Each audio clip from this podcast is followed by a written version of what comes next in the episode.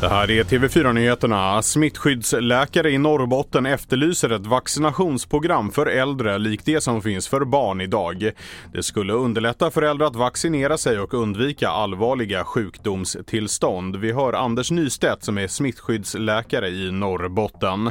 Alltså, jag tror att vi skulle få en mycket bättre eh, hörsamhet och mycket bättre täckning eh, om man gör det enklare och det blir ju enklare både för den äldre och också för vården eh, att, eh, att fixa det här för då kan man ju, ja då vet man ju vilka som ska vaccineras, när, i år och vart.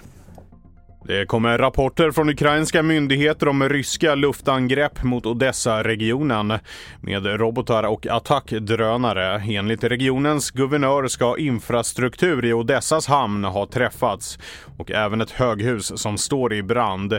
Enligt amerikanska medier har en person dött i attacken.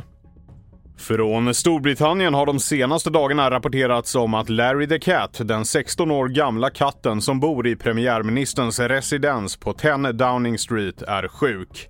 Men nu kan britterna andas ut för sent igår kväll kom rapporter om att Larry är på bättringsvägen. Han adopterades 2011 av dåvarande premiärminister David Cameron och innehar titeln som första musjägare på 10 Downing Street. Jag heter Felix Bovendal och mer nyheter hittar du på tv4.se.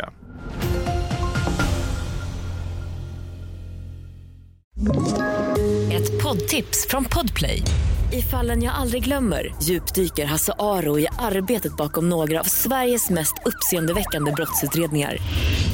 Går vi in med hemlig telefonavlyssning och, och då upplever vi att vi får en total förändring av hans beteende. Vad är det som händer nu? Vem är det som läcker? Och så säger han att jag är kriminell, jag har varit kriminell i hela mitt liv men att mörda ett barn, där går min gräns. Nya säsongen av Fallen jag aldrig glömmer på Podplay.